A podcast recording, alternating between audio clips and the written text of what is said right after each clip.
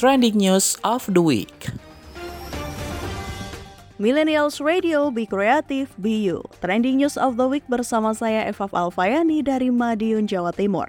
Berita pertama dari saya datang dari Presiden Jokowi kembali ke tanah air usai lawatan di Amerika Serikat. Presiden Joko Widodo kembali ke tanah air usai lawatannya ke Arab Saudi dan Amerika Serikat. Keterangan resmi dari Biro Pers Sekretariat Presiden pada Sabtu 18 November.